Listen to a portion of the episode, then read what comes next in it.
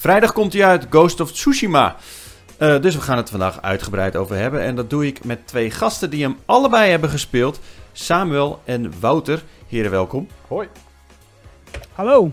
En uh, we gaan niet alleen over Ghost of Tsushima hebben. We gaan het ook hebben over uh, Microsoft. Die hebben volgende week een nieuwe presentatie. En de doosjes van de games zijn bekend. Oeh. Oeh. En Ubisoft heeft nog een uh, persconferentie gehad afgelopen weekend. Daar gaan we het uitgebreid over hebben in deze nieuwe Powerpraat. Oké, okay, boys.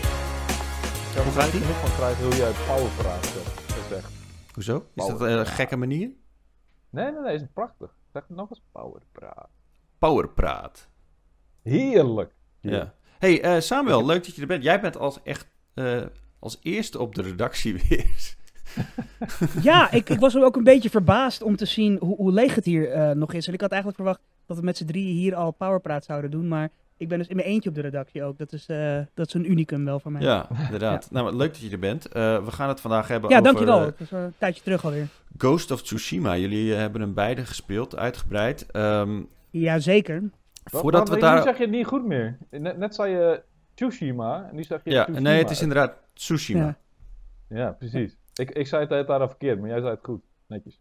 Eh, voordat we beginnen, ik heb, uh, ik heb in één keer uh, spontaan een nieuw uh, element bedacht in Powerpraat. De comment van de week. oh. Ik denk, okay. het, het, is wel leuk om gewoon even een interactief element toe te voegen. Dat mensen ook ja, een soort van invloed hebben op wat we bespreken. de comment van de week is deze keer van Quicario von Trap 1. Um, die zei op de vorige Powerpraat, die zei... Ik zou de Xbox niet kopen, van een bedrijf dat opgericht is door een satanische, globalistische, vermeende Epstein-pedofiel met een depopulatieagenda die al duizenden kinderen de dood heeft ingejaagd. Maar als je wow. graag met Master Chief wil spelen in een nieuw avontuur en je vindt het niet erg om met je geld dit beleid te sponsoren, ga vooral je gang. Oké. Okay, Yo, ik vind die comment op meerdere niveaus best wel dope eigenlijk. we hebben toestemming van iemand van de Von Trap family. Is dat niet van um, Sound of Music? Uh, denk het. Ik probeer die, die film met al mijn kracht en macht te ontwijken. Dus uh, het, het, zou best kunnen. Echt? Ja, dat, no, lijkt, me dat, echt, is, uh, dat lijkt me echt verschrikkelijk. Doe female deer en alles. Dat is hartstikke prachtig, man. Dat is de classic. is het, nee, maar... het, is, het is wel een classic. Je moet er wel één keer gezien hebben. Nee, ja. toch? Ja, ja jawel. jawel. jawel. Okay. Net zoals Gone with the Wind bijvoorbeeld. Dat zijn allemaal van die dingen die moet je gewoon Wat is dat dan weer? Anyway, een prachtig comment. Uh, Wauw. In hoeverre zijn jullie het ermee eens? um, um, um, ik vind dat, laat ik het zo zeggen, al die bijvoeglijke naamwoorden zo die hij richtte tot uh, Gates. Uh, het gros daarvan is heel erg speculatief en heel erg niet bewezen en heel erg conspiratorial. Uh, maar sommige van die dingen hebben een hele kleine mini-kern van waarheid. Uh, ik, ik, ik, ik vind dat je gewoon best een Xbox kunt kopen als je Halo Infinite wil spelen. En uh, weet je, als je geen geld meer gaat uitgeven aan iedereen die een klootzak blijkt te zijn of die stiekem een agenda heeft, dan kan je helemaal niks meer kopen. dus tja. Dat is wel waar. Uh, ik was het ja. wel eens met het woord globalistisch. De rest snapte ik niet helemaal. en vermeende. ja, en agenda ja. is ook nog wel. Nou, en het is bedrijf. Ja. Xbox. Ik nou, uh, het, het, is, het is bewezen dat hij aan depopulatie wil doen, maar mensen interpreteren dat op een verkeerde manier. Hij wil de, uh, voorkomen dat er onnodig veel mensen bijkomen, uh, door, doordat ze bijvoorbeeld dan te veel kinderen gaan nemen in, in, in arme landen, om, Ja. om dan, omdat ze weten dat er een paar doodgaan. Zeg maar. Hij wil gewoon dat de levensstandaard omhoog brengen, zodat mensen dan... Want hoe hoger de levensstandaard is, hoe minder kinderen mensen... Ja, dat zie je in het Westen ook Dat- inderdaad.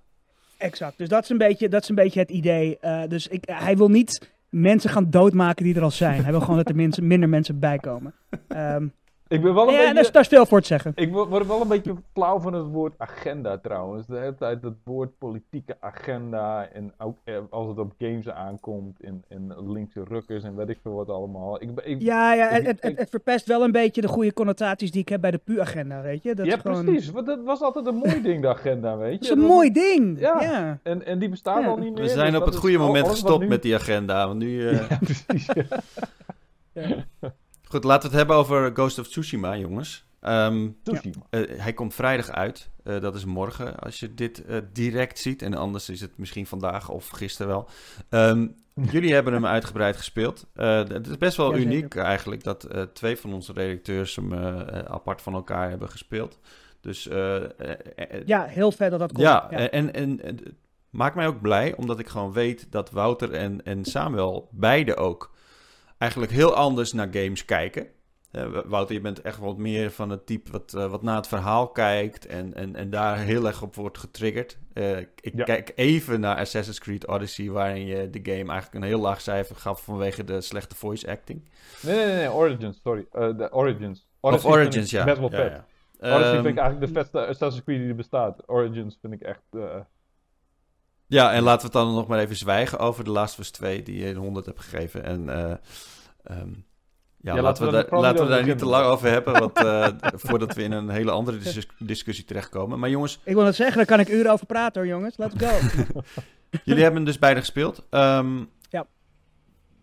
Het, het is een game wie, die eigenlijk eh, ja, gewoon een nieuwe franchise, wat heel erg interessant is, denk ik. Eh, Ja. eh, voor, een, eh, voor een exclusive is dat altijd fijn. Eh, en zeker in deze tijd, waarin er, eh, als ik even naar de Ubisoft persconferentie kijk, dat, dat was gewoon echt alleen maar sequels. Eh, dus eh, behalve dan Hyperscape. Dus het is, het, het is sowieso positief dat het, dat, dat wordt gedaan door Sony. Ehm, laten we even kijken naar de game aan zich en, en de aesthetics. Want het is echt, tenminste wat ik heb gezien van de trailer, ziet het er fantastisch uit. Eh, Ja. ehm, is het uiteindelijk een downgrade? Zie je wel vaker tegenwoordig eh, van de trailers Nou, of valt het wel mee? Laat ik, laat ik beginnen met te zeggen dat ik de fotomode volgens mij nog nooit zo vaak in een game heb gebruikt als in Ghost of Tsushima. Ja. Maar dat betekent wel dat ik vooral omgevingsplaatjes heb gemaakt. En, en plaatjes Ja. van mooie bloemenvelden, mooie uitzichten, mooie bergen. Eh, dat is echt fucking machtig mooi. fotografen fotografen die, die houden heel erg van golden hour. Dat zijn die momenten aan het hele vroege begin van de dag en een beetje aan het einde van de dag. Waarbij de zon opkomt of, of juist naar beneden gaat. Ehm, dan is het licht het mooiste. Het licht heel erg oranje. En Ghost of Tsushima die heeft echt heel erg... Die, die momenten die zijn echt het prachtigst in de game. Dat de zon op begint te komen. En dan is er echt een gouden gloed over het hele land. En, en je ziet dan echt ook die, de, de, het lichtval va- door de bladen heen en zo. En het is, ik heb ook af en toe momenten gehad dat ik zoiets had van... Wauw, dit is echt heel erg mooi. En ik ben niet iemand die op die manier naar graphics kijkt, zeg maar. Ja. En die momenten kun je natuurlijk ook afdwingen, want je kunt gewoon zelf de, de tijd van de dag bepalen met een slider. En Dat kan- is, dat is waarom fotomode zo ontzettend goed is in Ghost of Ja. Tsushima. Niet Ja. omdat je makkelijk foto's kunt nemen of de, de camera kunt, eh, kunt manipuleren. Maar omdat je letterlijk alles kan manipuleren. Hoe hard de wind gaat, of het dondert, of, er, eh, of, hoeveel blaadjes er dwa- dwarrelen. Ja, je kan het particles, ja. par- het, is, het is echt sick hoe, hoe- hoeveel je kan doen. Eh, eh, en het- dit wist ik veel te laat trouwens. Op een gegeven moment heb je in de game namelijk een battle waarbij je tegen een dude moet vechten die een nieuwe, die een soort geheime zwaardtechniek heeft geleerd. En tijdens dat gevecht dondert het. Het bliksemt wanneer die gast zijn zwaard trekt. Dat is heel erg vet. Ehm, en ik had zoiets van, ah man, ik wou dat ik eh, foto's kon nemen terwijl het bliksemt. En dan hoop ik dan dat ik dan een foto neem op het exacte moment dat de bliksem inslaat. En opeens zag ik dat dat kon. Je kan zeg maar bliksem, het laten bliksemen terwijl je fotomode eh ingesteld Nice. hebt. Toen had ik zoiets van, yo, oké, dat is wel heel erg sick. Ja, maar je kan het precieze moment, een, een, een screenshot, of tenminste eh, pauzeren. Oh ja, nee, je kan natuurlijk kan je de animaties kan je uitzetten op het precies het juiste moment dat het dondert. En dan zou je inderdaad het bliksem... Anyway, de fotomode is fantastisch, maar Ja, ehm, de, de looks die zijn wel een soort van oppervlakkig mooi. Eh, want er zit ook best wel veel lelijks in deze game. En dan heb ik het vooral over animaties van NPC's. NPC's überhaupt van dichtbij. Als het geen vijanden zijn, dan zijn ze meestal fucking lelijk. Eh, het Ja. ontbreken van animaties. Ze zijn heel erg van het pay to black als ze even geen animatie hebben voor, voor eh, eh, Jin, de hoofdrolspeler, die bijvoorbeeld in een fucking ton kruipt of zo. Of eh, die in een boot Ja. stapt. Of, eh, er zijn heel ik veel heb er persoonlijk verschillende- iets minder gestoord aan dat soort animatiekwesties. Maar er- je merkt wel dat er momenten zijn, en die zijn gelukkig niet vaak hoor, maar dat, er, dat de game wel echt technisch een beetje corners moet, moet, moet knippen, zeg maar. Er was Ja. een moment dat ik besloot om het eiland gewoon heen te zwemmen. Ik wilde gewoon het, het, het, zeg maar, het hele strandgedeelte van het eiland wilde ik een beetje gaan verkennen. En op een gegeven moment zat ik een beetje tussen de rotsen zo te lopen aan de rand van het eiland. En toen waren er echt momenten dat de game bijna zoiets had van, yo, wat zijn textures? Fuck dat. Gewoon, ehm, Je moet hier sowieso niet wel- zijn, dus fuck maar op. Dan eh, verderop krijg je wel weer textures. Ja, inderdaad, of zo. Maar, maar over het algemeen is de game prachtig. En, en niet eens zozeer van de kwaliteit van de graphics als het gaat om scherpte. Of, of, maar ehm, hoe, hoe erg het soort van eh, vrijheden durft te nemen eh, met realisme en, en cinematografische realisme. Eh, zo bijvoorbeeld kleuren zijn feller dan ze misschien in het echt zouden zijn. Maar het zorgt wel voor bloemenvelden die echt prachtig zijn. Ja, maar ze Eh, gaan ook wel heel erg overboord met die bloemenvelden. Dat zijn ook elementen die, eh, zeg maar, het zijn bepaalde missies en dan moet je bloemen gaan volgen om, eh, om, om zeg maar, op de plek te komen waar je moet zijn. Dan moet je eigenlijk gewoon roze volgen en je hebt echt gigantische velden met allemaal dezelfde bloemen. En dat je denkt van, oké, hier wordt wel maar een beetje... dat, dat is uiteindelijk toch ook waar ze naartoe wilden, toch? Dat je, dat je uiteindelijk eh, op de natuur af kunt gaan eh, in ja, de game. nou Dus dat ook- element, dat element is misschien een beetje. ehm, je moet bijvoorbeeld vogels volgen op, eh, naar een bepaalde objective, of tenminste als er iets interessants in de buurt is. Eh, de wind leidt je naar de- je objective als je die ingesteld hebt. Dus je kan de wind leiden je naar shrines. Eh, ja. je hebt de posten die je naar shrines brengen en dat soort dingen. Maar op een gegeven moment, ik vond die vogels, die gouden vogels, die worden op een gegeven moment Ja. gewoon irritant. Vooral als er hoogteverschillen zijn, want die vliegen soms dwars door plekken Ja, heen klopt. waar jij niet langs kan. En dan ben je Eh, zo opeens toen ik kwijt. inderdaad om het eiland heen zwom, dat, dat ik achter bergen zat, kwamen die vogels naar me toe vliegen alsof ik, alsof ik daar moest zijn. Maar ik moest gewoon echt fucking 50 meter hoger zijn of zo. Ah. Waar ik niet kon komen op dat moment. En, en dus Ja. op een gegeven moment ben je ze gewoon ook kwijt omdat ze dwars door dingen kunnen vliegen. Eh, het, het windelement is best wel grappig. Dat, dat hebben ze best wel leuk gedaan. En net zoals ik eerder zei, soms moet je bloemenvelden volgen om op bepaalde missies te komen, op bepaalde objectives te komen. En dat, dat is best wel leuk gedaan, maar het is uiteindelijk is het gewoon een gimmick in wat eigenlijk best wel een standaard sandbox game is. Want als je het op zijn, zeg maar, totaal bekijkt, dan is Ghost of Ja. Tsushima eigenlijk gewoon een, een sandbox Assassin's Creed met historische correctheid, voor zover dat kan. En, eh, en, en, en dus, ja, die, die, dat natuurding is een beetje een gimmick, maar het ziet er wel heel erg cool uit. En het, het Dat- werkt dat is wel inderdaad- leuk. Heel goed gezegd. Het is wel een, een, een beetje een Assassin's Creed clone. Eh, ik, het is alleen dat Ghost of Tsushima iets beter is in het verbergen van elementen die normaal heel erg clichématig zijn in dat soort games. Ja. Eh, het wil bijvoorbeeld ook zo min mogelijk HUD hebben in de game. Dus eigenlijk de enige wat je ziet qua HUD is je, levensmeter en je resolve balletjes. Voor de rest heb je helemaal geen HUD. Vandaar ook dat ze bijvoorbeeld de wind gebruiken om je te laten zien waar je heen moet. Ehm, maar op andere momenten word je dan wel weer een beetje overdonderd met, met, met, met onnodige informatie. eh, ook voornamelijk over vijanden of zo. Die, en die, dus die breken die elegantie dan weer. Het, soms houdt het die elegantie niet volledig in stand. En dan is het heel erg duidelijk van ja, ik, ik ben gewoon een Assassin's Creed clone aan het spelen. een beetje. Oké, eh, la- Ja. laten we daar even naar kijken. Die open wereld, inderdaad. Ehm, je begint natuurlijk de game, het verhaal begint, eh, je- je komt in de wereld terecht. eh, je ziet natuurlijk niet alles, je moet allemaal dingen ontdekken. Hoe, hoe werkt dat? Moet je, eh, wat is in Assassin's Creed, moet je dan vaak hè, torens opklimmen? Oké, Ja. in, in principe heeft het, is het heel erg makkelijk, want je, je hebt meteen al een soort van landkaart van het eiland. Ehm, en daar worden met bijvoorbeeld vraagtekens worden aangegeven dat er iets van interesse is wat je nog niet hebt ontdekt. ja. Dus daar kun je heen. Maar je wordt voornamelijk geleid door het feit dat eh, er zijn NPC's in de game waarmee je praat. En eh, die geven je missies. Bijvoorbeeld, eh, vind mijn broer, want die is een wapensmid. Dus die kan jou dan helpen met jouw missie. En dan zie je op de kaart, door middel van bijvoorbeeld een gouden vierkantje, van... Oh, die persoon is daar vastgehouden, dus ik moet daarheen. ja. Ehm, dus zo word je een beetje gedreven door, door dingen die duidelijk story-related zijn. Of die eh side-missies zijn. En dan inderdaad gewoon icoontjes op de kaart van dit kan je ook nog verkennen. Het is dan aan jou welke je prioriteit geeft. En voor de rest is het gewoon een soort van fog of war op de kaart. Als je ergens loopt, Ja. dan wordt het, Ja. zeg maar, eh dan gaat de fog weg. weg, weg.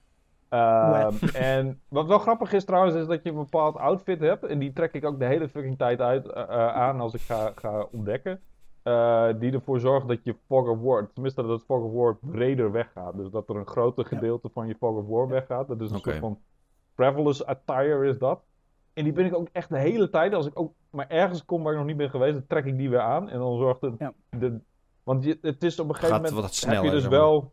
Ja, en dan heb je, op een gegeven moment heb je dus wel een groot gedeelte van, van het eiland ontdekt. Maar er zitten allemaal nog allemaal van die gaten. En als je een beetje zo'n OCD-gast bent zoals ik, Dan heb je Ja, daar best wel ja. moeite mee. Zo van, ah, daar moet ik nog zijn. Er zou eventueel nog iets kunnen zijn. De kans dat er iets is als er een heel klein... Maar wat, wat is het te vinden dan? Wat, wat, wat, ja, het zijn, moet je het dingen zijn verzamelen? erg- Je Ja, kan dingen veel. verzamelen. En Ja. dat, is, dat vind ik het grootste nadeel van een beetje het open wereld opzet van, van deze game. Is dat het ook bezaaid is met die typische niet-zeggende collectibles. Zoals verzamel 50 vla- vlaggen of verzamel 80 zijn het 80 er. Of, of 80 80 fucking inderdaad.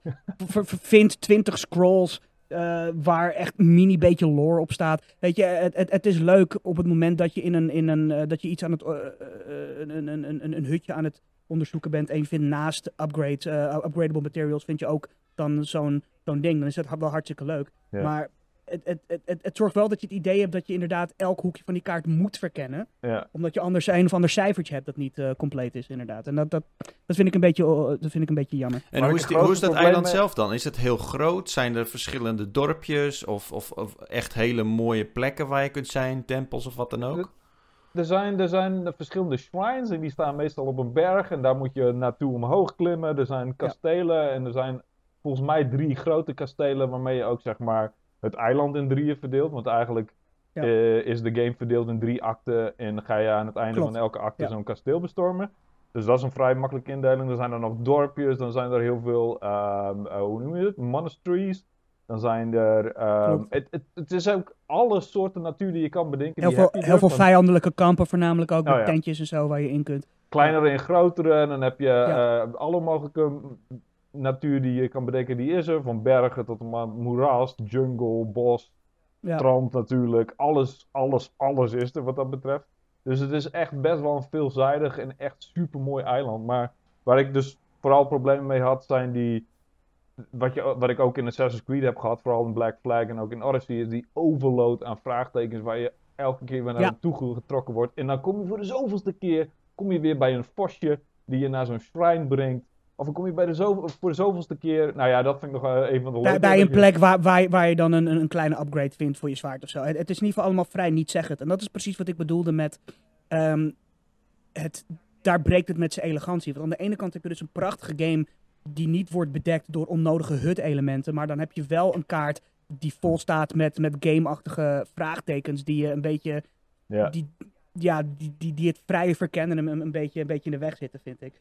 Ja. Ehm, wat, wat dat betreft, je ziet ook heel erg duidelijk dat de, het eiland veel inspiratie heeft genomen van Hyrule van Breath of the Wild. Eh, ze wilden een beetje hetzelfde gevoel opwekken qua overal waar je gaat, eh, leeft dit land. En eh, het, het- dat is prachtig om te zien en er is veel te ontdekken. Maar waar in Hyrule, eh, zeg maar, die alle natuurelementen ook samenwerken om echt een levende wereld wel te creëren, is dit toch wel echt een open wereld waar je gewoon doorheen rijdt om gewoon, om, ja, om gewoon collectibles te zoeken. Ja. Ehm, eh, het, is, het is een mooie wereld, maar niet, maar niet verder super heel, erg- heel erg interessant los van de dingen die je moet doen. zeg. Hmm. Wat ik ook een beetje jammer vind, is aan het begin ben je echt wel overdonderd door die wereld. En dan ben je aan het rondkijken en denk van, wauw, het is die fucking mooi. Ja. Maar op een gegeven moment heb je gewoon, net zoals in heel veel sandbox games, heb je gewoon door wat de elementen zijn die je tegen komen. Je weet precies wat je kan verwachten. En dan is het alleen maar een kwestie van een lijstje afwerken. En dat werkt ook Je wordt niet bij- meer verrast op een gegeven moment. Nee.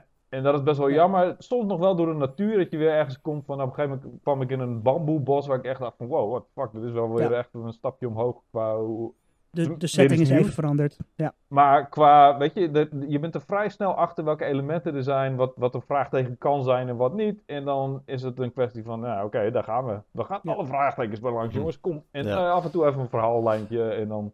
En er Ja, zitten dus er ook, er ook wat sidequests in, hè, die, die niet, misschien niet direct te maken hebben met, het, eh, met, het, met de main quest. Is, is dat een Ja. beetje goed gedaan? Hoe is het met het verhaal?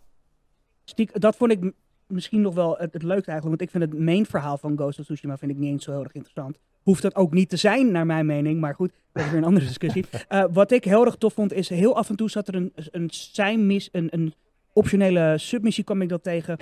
En die raakte me dan veel meer dan het main verhaal. Er was bijvoorbeeld een submissie waarbij ik een gast op de weg zag staan. Zo van, help me, help me. En ik stapte van mijn paard af en ik vroeg aan die gast, joh, wat is er? En hij zei zo van, ja, mijn eh, huis met mijn, waar mijn vrouw en kind ook in zitten, die, zijn, die is net geraid door Mongolen. Ehm, en ik ben gevlucht uit angst, eh, maar kan je alsjeblieft helpen, want ik weet niet wat er met mijn vrouw en kind gebeurt.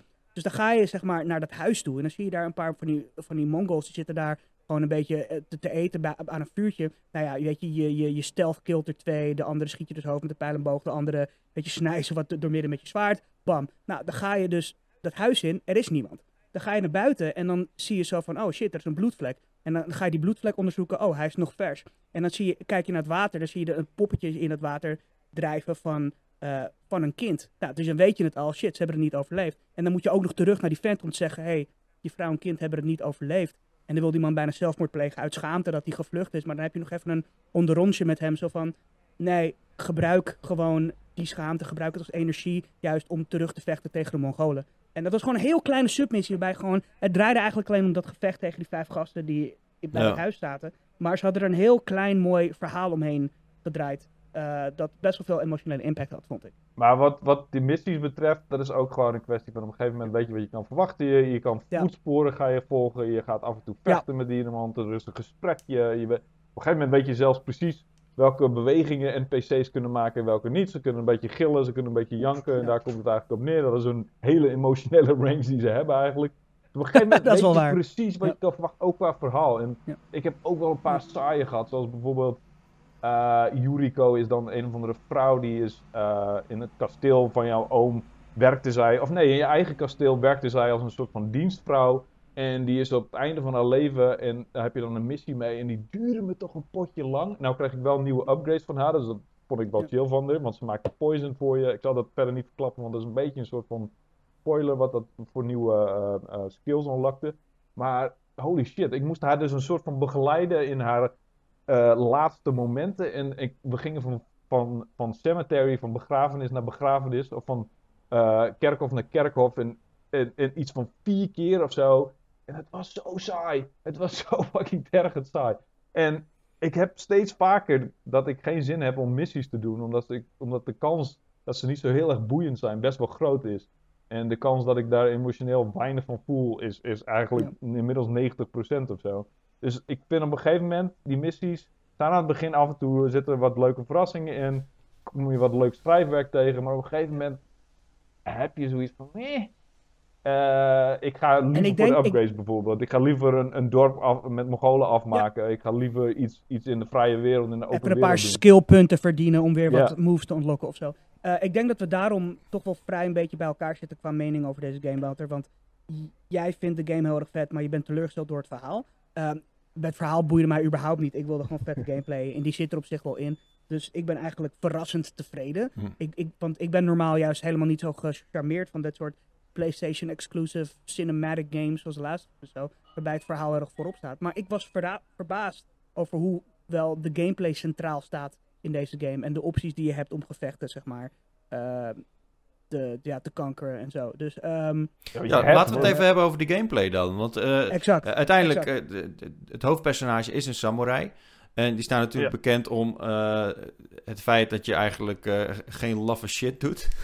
je bent de, de Bushido. De Bushido-regels en die gaan yes. over dat je eervol moet zijn en courageous. En, en die zijn heel erg strikt. En dat, je, en dat je je tegenstander in de ogen moet aankijken tijdens het vechten, want anders ben je een lafaard ja. en zo. Uh, maar ja, eigenlijk word je dus. Uh, dit is eigenlijk een game waarbij je dus gewoon zowel gevechten Bushido-stijl kunt aanpakken, maar ook gewoon als een ninja. Je kunt ja. ook gewoon gaan sluipen en mensen hun keel gaan doorsnijden. Dat, dat kan ook. En dat vond ik het interessantste gedeelte van het verhaal ja. eigenlijk. Op een gegeven moment, jij bent natuurlijk een samurai. Je bent opgeleid tot samurai. Je oom heeft je bepaalde regels meegegeven.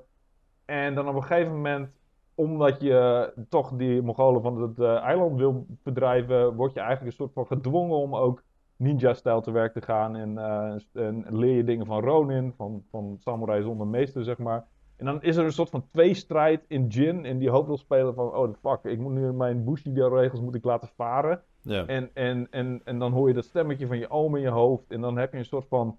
Dat vond ik een van de sterkste momenten van, die hele, van het hele verhaal. Is dat, dat hij, zeg maar, torn wordt tussen twee denkwijzen. En dat hij eigenlijk ja. Uh, dan toch ninja gaat, maar tegen wil en dank. En dat hij zich daar heel erg geconflicteerd over voelt. Ja, dit is geen spoiler, hè? Dit is uiteindelijk wat, uh, wat Nee, nee, nee. Sterker was. nog, dit, dit, dit, dit, dit speelt zich... Dit, dit wordt al een ding in volgens mij het tweede uur van de game. Ja. Um, de, de eerste NPC die ontmoet, een vrouw, die is degene die jou namelijk basically dwingt om die ghost kant op te gaan. Als ja. ze zegt van, hey, joh, als we deze oorlog willen winnen, dan moet je niet zo stijlvol gaan doen, dude. Dan moet je gewoon even nasty gaan worden. Ehm, maar ja, dan krijg je inderdaad wel bij een bepaalde kill op een gegeven moment een snel een soort flashback zien dat je als kind geleerd wordt door je oom inderdaad om Mm. ehm, de Bushido-stijl te vechten. En, en je ziet wel dat dat zorgt voor een beetje intern conflict. Ik vond het veel subtieler gedaan in iets als The Last of Us 2, waarbij, zeg maar, Geen spoilers Waarbij je, eh, eh, eh, een, een hond moet afmaken en dan achteraf krijgt te horen dat het een heel lief puppetje was. Anyway, ehm, ik, ik, ik, ik, vond, ik, ik vond het in ieder geval wel dope. Het, het tofste vind ik aan deze game is dat het verrassend diep kan gaan als het gaat om... als je bijvoorbeeld alleen maar wilt zwaar vechten, dan kan dat ook. En dan kan je heel erg diep gaan. Je kan echt goed worden in pareren. Dus dat je aan- aanvallen deflecteert van de vijand en dan countert. Dat vond ik een van de tofste dingen. Want dat vond ik Ja. ook zo vet aan Sekiro bijvoorbeeld. Maar je kan inderdaad ook vertrouwen op stealth kills. Op, op het gooien van kunai. Het werpen van rookbommen. Ehm, en eh, het, het enige nadeel bijna is dat de game iets te goed is in het continu sterker maken van al je tools. Want je, kunt, je, krijgt continu nieuwe moves. Continu eh, kan je je zwaard sterker maken. Je kan continu je stealth elementen beter maken. Op een gegeven moment kan je bijvoorbeeld ook ehm, mensen door muren heen zien terwijl je rent bijvoorbeeld. Eh, dat is iets wat je eigenlijk alleen maar kunt als je normaal heel langzaam sluipt. Maar ja, dat kan je dus allemaal upgraden. En op een gegeven moment wordt de game wel heel erg makkelijk daardoor. Ja. Ehm, je, op een gegeven moment ben je echt een, een absurde killing machine. Ehm, en, en dat is heel erg vet. Maar ik had het vetter gevonden als je bijna een beetje moest kiezen tussen bepaalde vechtstijlen of zo. Of als je één stijl heel erg moest uitbouwen. Dat, ja, dat is niet echt een ding. Ehm, maar je kan wel als je wilt. ehm, eh, ja, je, je, hebt heel veel keuzes voor hoe je vecht. En ik, ik kijk heel erg uit naar bijvoorbeeld toekomstige speedruns van deze game. Of, of juist low-level runs waarbij mensen alleen maar met het zwaard. eh, een, een, een zwaard de game doorlopen bijvoorbeeld. Ja, maar wat, wat, wat gelukkig nog wel af en toe moeilijk is, zijn duels. En dat zijn een soort van eindbaasgevechten, dat je al je trucjes kan je niet gebruiken, behalve zwaardvechten. En dan moet je gewoon tegen eh, eh, één dude knokken en dan heb je een soort van standoff, een beetje spaghetti western style, staan ze tegenover Ja. elkaar en dan, Ja. eh, en dan gaan ze los. En dan kun je dus alleen maar zwaardvechten, pareren en al die trucjes die je geleerd hebt van zwaardvechten. En die zijn soms best nog wel pittig en die vind ik ook best wel vet nog steeds. Nou ja, ik speel op hard natuurlijk, want zo ben ik. Ja. En dat verneuk ik mezelf altijd mee met reviews. Maar dat, ik vind dat hoe je een game moet spelen. Als er geen uitdaging is, dan vind ik het sowieso niet leuk. En dan geef ik sowieso een slecht cijfer. Ze Dus- zijn moeilijk, maar het, het, wat wel goed is aan die battles, eh, ook omdat het natuurlijk redelijk authentiek is. En, ehm, maar ze duren in ieder geval niet lang. Ze zijn Nee. moeilijk, maar ze duren niet lang. Nee. Als je op een gegeven moment de, de vijand door hebt en je deflecteert hem een paar keer goed en je raakt hem drie of vier keer of zo, dan gaat hij wel neer. Dus eh, voor mensen die zoiets hebben van, ah fuck, er zitten moeilijke bossfights in, laat je daar niet door tegenhouden. Nee, nee, want nee, als je hem door hebt, dan, dan heb je Het is, het is niet Sekiro-stijl. Het is niet... eh, nee, nee, nee. Hoewel het best wel veel daarop lijkt, want je hebt natuurlijk posture die Ja. je kan doorbreken. Je hebt die unblockable moves die eigenlijk op dezelfde manier bijna in beeld komen. Ik vind het nog wel... En misschien nog wel het belangrijkste eh, wat deze game deelt met Souls-likes als Sekiro, is dat er toch wel een soort van resource management in zit. Ehm, in de vorm van, ehm, eh, fuck, ik, ik vergeet dat woord altijd, die bolletjes. Eh, ehm, Resolve heet die in dit geval. Resolve, resolve. Ja. Ja, het, je hebt dus geen stamina. Het is niet dat elke actie die je doet eh zuipt uithoudingsvermogen. Dat totaal niet. Maar je hebt wel bolletjes die je moet opmaken aan of jezelf genezen Mhm. of het doen van hele sterke moves bijvoorbeeld. Ja. Dus tijdens bepaalde encounters, dat vind ik misschien wel het vetste aan de game, is dat, dat het je wel, ehm, het, het geeft je ook een beetje diepgang en tactiek, doordat jij moet kiezen van hoe ga ik met mijn hoeveelheid resolve om. Een van de redenen waarom ik bijvoorbeeld ook heel vet vond om, als ik een groep vijanden in de verte zag, om niet stealthy te, tekeer te gaan, maar om ze juist uit te dagen tot een gevecht, is omdat als je een groep uitdaagt tot een gevecht, is er altijd een eerste dude die op je afkomt. En die kan je in één slag kan je die do- doodmaken. bij Op een gegeven moment kan je zelfs vier gasten doodmaken. Ja, op een gegeven moment kan je er zelfs vier achter elkaar inderdaad. Ja. Maar als je zo'n zo'n eerste encounter van zo'n stand-off perfect uitvoert, dat je hem in één slag doodmaakt, dan krijg je al je resolve bolletjes terug bijvoorbeeld. Dus als je geen resolve bolletjes hebt en je kan niet helen, dan moet je eigenlijk wel zo'n stand-off doen, omdat je dan in één keer al je eh eh stamina's terugkrijgt als het ware. En dat waren van die kleine dingen waardoor ik zoiets had van, ah, de- oké, deze combat heeft meer diepgang dan ik dacht. Sowieso oké, is dat nice. standoff is een goede ide- een goed idee. Want ik bedoel, stealth te- eh, losgaan, dat is natuurlijk altijd aantrekkelijk. Want ja, ja het, het is sowieso leuk en het is soms ook wel wat makkelijker. veilig. Je hebt er iets meer geduld voor nodig, maar iets minder skill. En als je een standoff doet, met bepaalde upgrades kun je echt vier achter elkaar aan kun je doodsplashen. En als je een bepaalde ehm, ehm, harnas aan hebt. Ehm, ja, dan, weet je, dan heb je in ieder geval nog een soort van voorsprong wat de resolve betreft. En je hebt, je kan in ieder geval nog meteen vier afslachten. Dus het maakt het wat aantrekkelijker om gewoon naar een...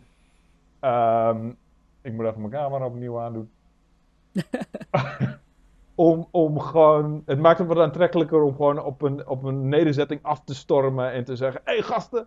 En dan komen Ja. ze één voor één op je af. En het ziet er ook fucking cool uit. Het blijft ook Het best wel cool. Ik vind het niet op een gegeven moment saai worden of zo. Soms worden die gevechten wel een beetje Benny, Benny Hill-achtig, eh, Benny Hill-achtig, dat je zoiets hebt van, oh fuck, ik heb, ik heb geen bolletjes meer. Dus dat je, dat je een beetje om het kamp heen rent, terwijl drie gasten Ja, achter jou aanrennen, Ja, Scooby-Doo-stijl. Dat is af en toe wel een beetje maf. Maar ja, over het Maar daarvoor heb je rookbommen. Daar moet je rookbommen Ja, gebruiken. dat is waar. Nee, klopt, klopt, klopt. Ehm, eh, maar eh, ja, daarom, daarom, ik koos er over het algemeen wel meer Moment. voor dus de Bushido weg. Ik vond het veel vetter om vijanden gewoon, om naar tegen ze te roepen van, yo, ik sta hier, kom me halen, eh ik, I'ma fuck you up. Ik vond het toffer dan eh à la Ninja, eh, à la Ghost. Maar, maar er zijn dus uiteindelijk Eh, gewoon twee verschillende manieren waarop je dat kan spelen. Dus je kunt eigenlijk kiezen om gewoon die, die stand-off manier te kiezen, maar je kan ook Ja. de ninja. En, eh, of, of word je eigenlijk wel gedwongen om het soort van 50-50 te doen? Hoe zit dat? Ah, er zit ook nog wel een combinatie. Er zit ook nog wel iets tussen die Bushido en die, eh, of, eh, zeg maar, samurai en ninja manier in. Want je hebt ook bijvoorbeeld sticky bombs die je tijdens het, gewoon het zwaardvechten kunt gebruiken. Je hebt natuurlijk boogschieten, wat eigenlijk een beetje... Een samurai zou ook wel met zijn boog Ja. schieten. Ehm, en oh, hebt- dat, over de boogschieten trouwens, even snel tussendoor. Ik vond het vet hoe je ook ehm, kunt, eh, kunt fucken met mensen in een kamp door bijvoorbeeld met je eh pijl en boog ehm, bijenkorven neer te schieten. Ja. En, en- dat soort dingen. Dat is heel erg leuk ook. Maar Ja. inderdaad, ga door. En eh, je hebt bijvoorbeeld rookbommen, die kun je gewoon midden in een gevecht die droppen. En dan, kan je, en dan staat iedereen zo. en dan kun je weer assassinen. En dan kun je eventueel weer wegrennen als je wil. Dus je hebt wel verschillende manieren die tussen beide in zitten. Soms Ja, je kunt in en zelfs uit zeggen- vloeien, ja. Wat zeg je?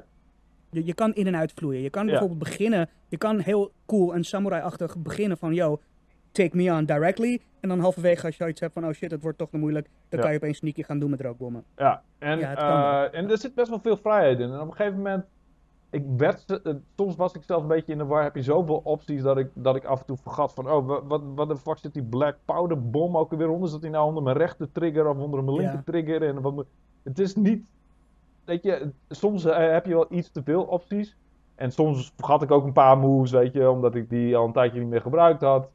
Klopt, Eh, klopt. Ik, ik moest ook af en toe even in mijn startmenu even kijken wat, waar, alle, eh, waar alles ook weer staat. Ja. Mijn grootste probleem was dat eh, als je op R1 drukt, dan gooi je automatisch je kunai. Ja, en ik drukte kon- en dat was zo irritant, jongen. Ik gooide altijd per ongeluk mijn kunai weg, omdat ik gewoon per ongeluk op R1 drukte. Dat haat ik zo als ik mijn kunai per ongeluk weggooi. Ja. Ja. Gisteren in de supermarkt. Nou, Nou, ik heb smijt je iemands hoofd. kunai. Plots! Ja. wat is een kunai? Eh, Een, een kunai is, is, is, is een soort, is een ander soort, eh, het is geen ja, werpster, ehm, zoals een shuriken, maar het is meer een soort van werpbare mes. Eh, het is eigenlijk bedoeld voor de landbouw om eh, te graven in de grond, maar ja, ninjas hebben dat dus op een gegeven moment dus gebruikt om, ja, eh, om, om schade mee te doen. Eh, wat ik eigenlijk wil weten, Wouter, is wat vind jij van de stances, vier stances die je kunt ontgrendelen? Ja, dat, weet je, um, op een gegeven moment ben ik dat best wel gaan gebruiken. Aan het begin dacht ik echt van ja, dat is een beetje een soort van gimmick. Het, het zal vast wel een soort een beetje half werken. Maar eh, Mhm. inmiddels, je hebt dus verschillende stances die werken tegen verschillende soorten vijanden. Je hebt er bijvoorbeeld eentje die werkt tegen eh, shielded vijanden. Je hebt er eentje die tegen speervechters werkt.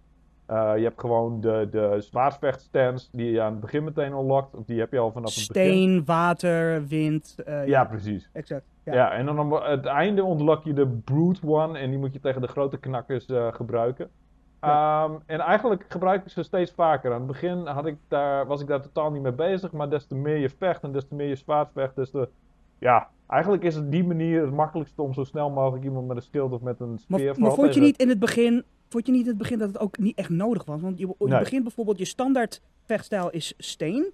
En de eerste wat je dan omgrendelt is water. En, en dan zeggen ze bij, ge- eh, switch naar je waterstands als je gasten met schilden sneller wil neerhalen. Ja. Maar gasten met schilden neerhalen is twee keer een heavy attack. En dat was zowel bij steen als bij water hetzelfde ding. Ja, dat klopt. Dus op een gegeven moment, eh, aan het begin heb je ze totaal niet nodig, maar dan heb je er ook maar twee. Maar tegen de tijd dat je alle vier hebt unlocked en dat je een beetje een upgrade, eh, wat upgrades tegenaan Ja, hebt gegooid, dan beginnen ze steeds belangrijker te worden, steeds essentiëler en gebruik ik ze ook steeds vaker.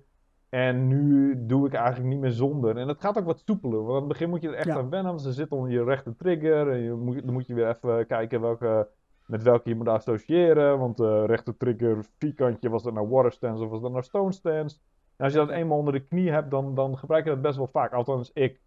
En ik vind het nu best wel lekker werken, die stances. En ze zien er ook allemaal totaal anders uit. En hij staat, de ene staat hij met zijn zwaard zo, de andere staat hij met zijn zwaard zo, en de andere staat met zijn zwaard zo of zo. En de moves zijn ook totaal anders. En je kunt ze. Ja. eh, je hebt bijvoorbeeld Oh, voor elke tof. stance. Ja, voor elke stance heb je zeg maar. eh, als je het driehoekje ingedrukt houdt, dan zit daar een andere move onder. En meestal daarna, als je tapt, dan, dan tapt hij of dan slaat hij. Dus, dus één stijl is bijvoorbeeld heel erg gericht op het prikken van een vijand, terwijl de andere meer sierlijke bewegingen maakt. Ja. Eh, inderdaad. En eh, vooral die van de, ja. tegen de speervechters en hellebardiers, zeg maar. Dat is een Ja, soort van. ja. Dan maak je om de stagger. eh, zeg maar te doorbreken, of tenminste je vijanden te laten staggeren. En daarvoor moet je de posture bar, je weet wat werkt net zoals in Sekiro, moet je Mm. zeg maar weghalen en dan vallen ze eigenlijk achterover. En, en met de hellebardier stance, volgens mij de wind stance, maakt hij echt een fucking coole soort van draai move in de lucht om zo bam!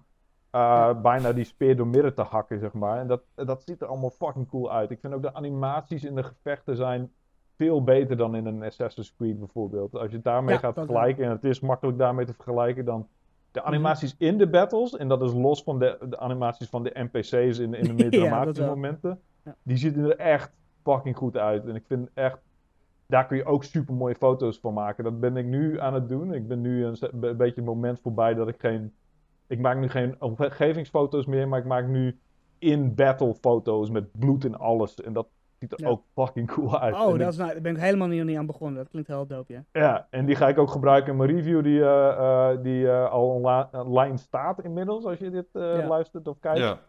Ehm, en dat ziet er ook echt fucking cool uit. Dus er, zit, er is heel veel goed aan deze game, maar in de basis is het toch best wel een vrij standaard sandbox game. En lijkt het toch misschien wel een beetje te veel op Assassin's Creed, maar het is maar net Mijn- hoeveel je mijn- van Assassin's Mijn Creed natuurlijk. probleem inderdaad met deze game over het algemeen is dat de twee belangrijkste dingen in deze game voor mij, eh, het eiland, terwijl de wereld, en de combat, zijn allebei heel goed. Maar ze zijn niet zo goed als de games waar ze aan moeten denken. Dus de combat is geweldig, maar het, is, het komt niet in de buurt bij de intensiteit en scherpheid van bijvoorbeeld het zwaardvechten van Sekiro.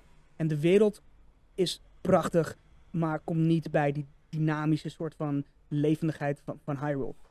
Dat gezegd hebbende, voor een, een hele cinematic PlayStation 4 exclusive vind ik wel dat er heel veel nadruk is op de, op de, game, op de gameplay. Je krijgt heel veel keuze qua hoe je dingen benadert. Ehm, er zit ook een, een, een enterhaak in, dus dan heb je automatisch al pluspunten bij mij. Ehm, Wordt En wel vrij, en vrij laat vind- in de game krijg je die trouwens. wat zeg je? Die krijg je wel vrij laat in de game trouwens, die enter. Krijg je vrij laat in de game helaas. Eh, eh, maar ja, hè, goed, ze moeten een, worteltje voor je neus kunnen bungelen natuurlijk. Ja. Ehm, maar ik, ik, ik, vind, ik, ik vind wel dat wat het doet, is wel bijzonder tof en, en goed uitgewerkt. Eh, dus ja, het is, het is zeker niet het beste van het beste, maar het is wel echt wel heel solid, Ja. vind ik. En ik had dat niet verwacht eh, van een game die je terecht bestempelt als een Assassin's Creed clone. Ja, ik vind het wel een beetje jammer dat ik nu in een soort van sandbox kleur zit.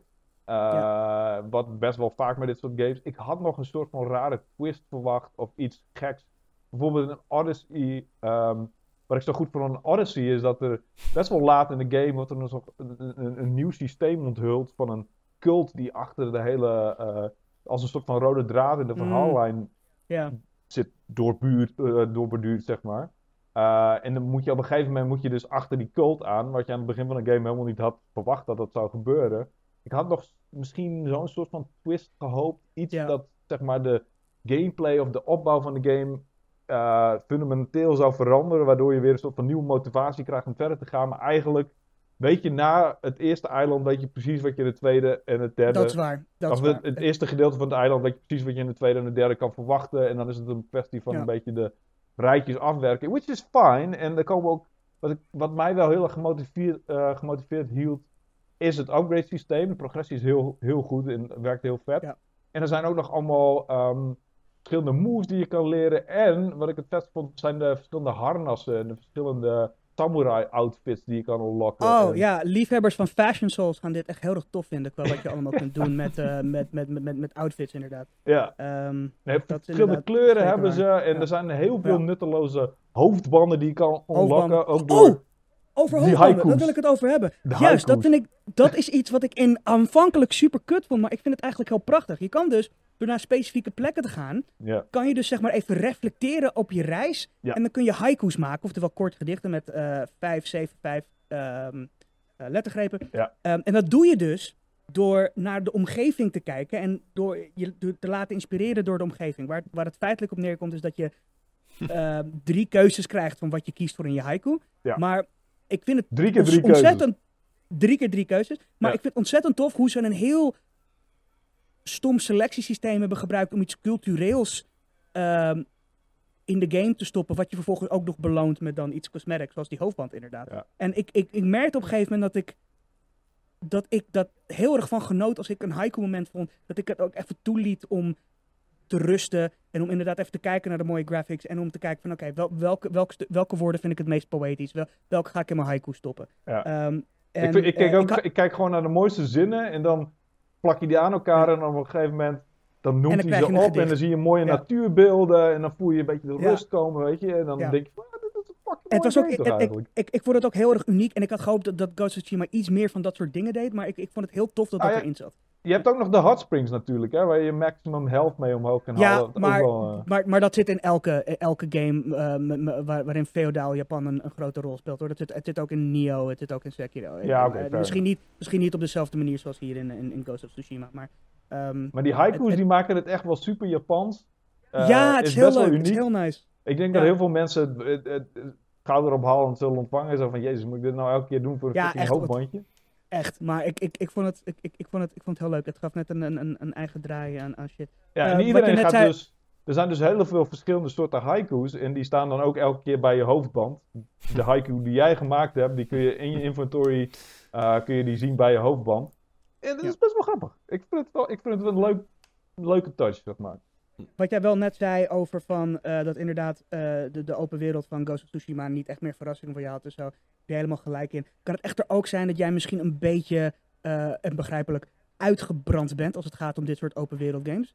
Ja, Want- en daarom vond ik, er- ik- zelfs... ik- Daarom Ja? vond ik zelfs Breath of the Wild op een gegeven moment een beetje... Oh, zijn wauw. charme verliezen. Ja. Is Oké. omdat, omdat Ja. ik, ja, dit soort games speel ik heel veel. En ik weet inmiddels al die Ja, dat dacht ik al. Eh, Ik, Maar ik komt dat probeer ze namelijk gewoon- niet te veel aan te raken. Maar, maar namelijk. komt dat Ja. niet gewoon omdat je dus zo'n type bent die al die vraagtekens moet hebben? Dan, dan raak je natuurlijk al heel snel uitgebrand. Ja, klopt. Nou ja, ik, ik, ben zo'n, ik ben zo iemand die dat, die dat doet. En ik heb dus, volgens mij voor het eerst had ik het in, in Black Flag, dat ik er echt doodmoe van werd. Eh Assassin's Creed Black Flag, die heeft zoveel vraagtekens op zee en op land. En eh, op een gegeven moment, als je weet wat je kan verwachten van die vraagtekens, dan, dan begint de sleur erin te raken. En daarom eh, hoopte ik op wat nog, misschien een klein verrassing hier en daar. En dat heeft het ook wel. Er zitten nog een paar dingen in die later in de game loskomen en die je aan het begin niet hebt. Ja. Maar die zijn een beetje te verwaarloosbaar.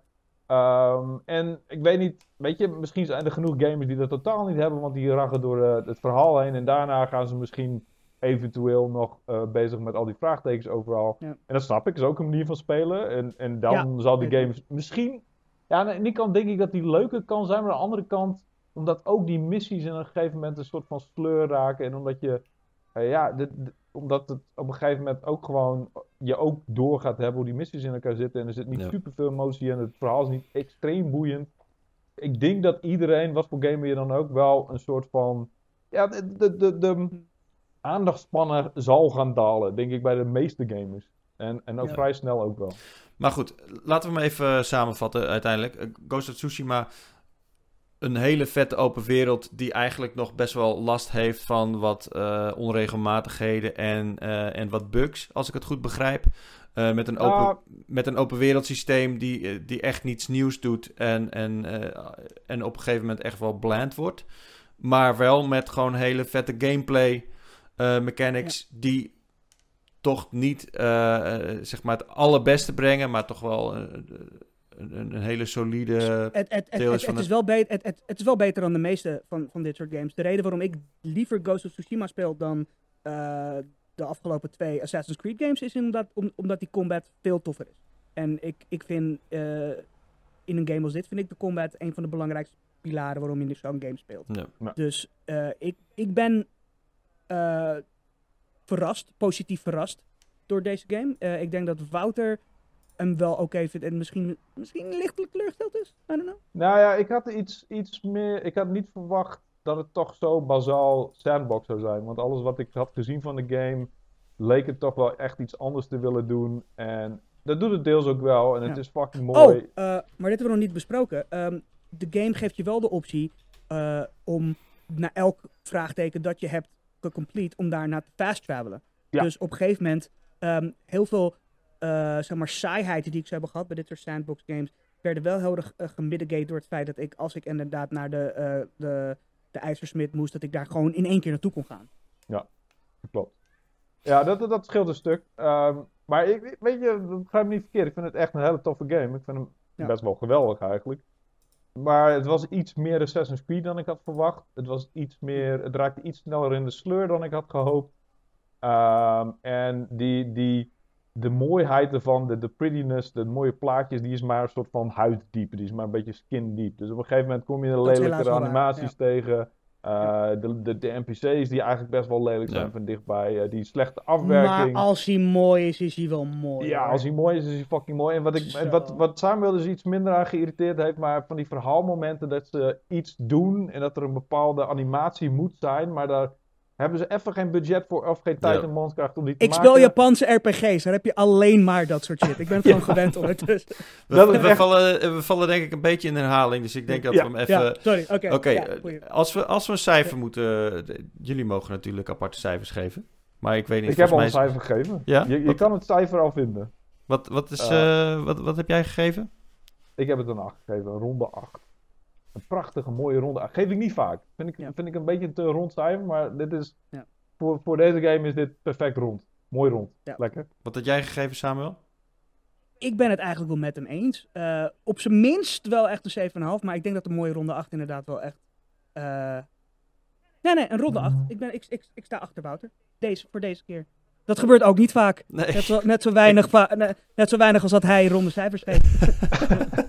nou ja, goed, eh, de laatste twee eh, cijfers die hij heeft gegeven waren eh, nogal rond.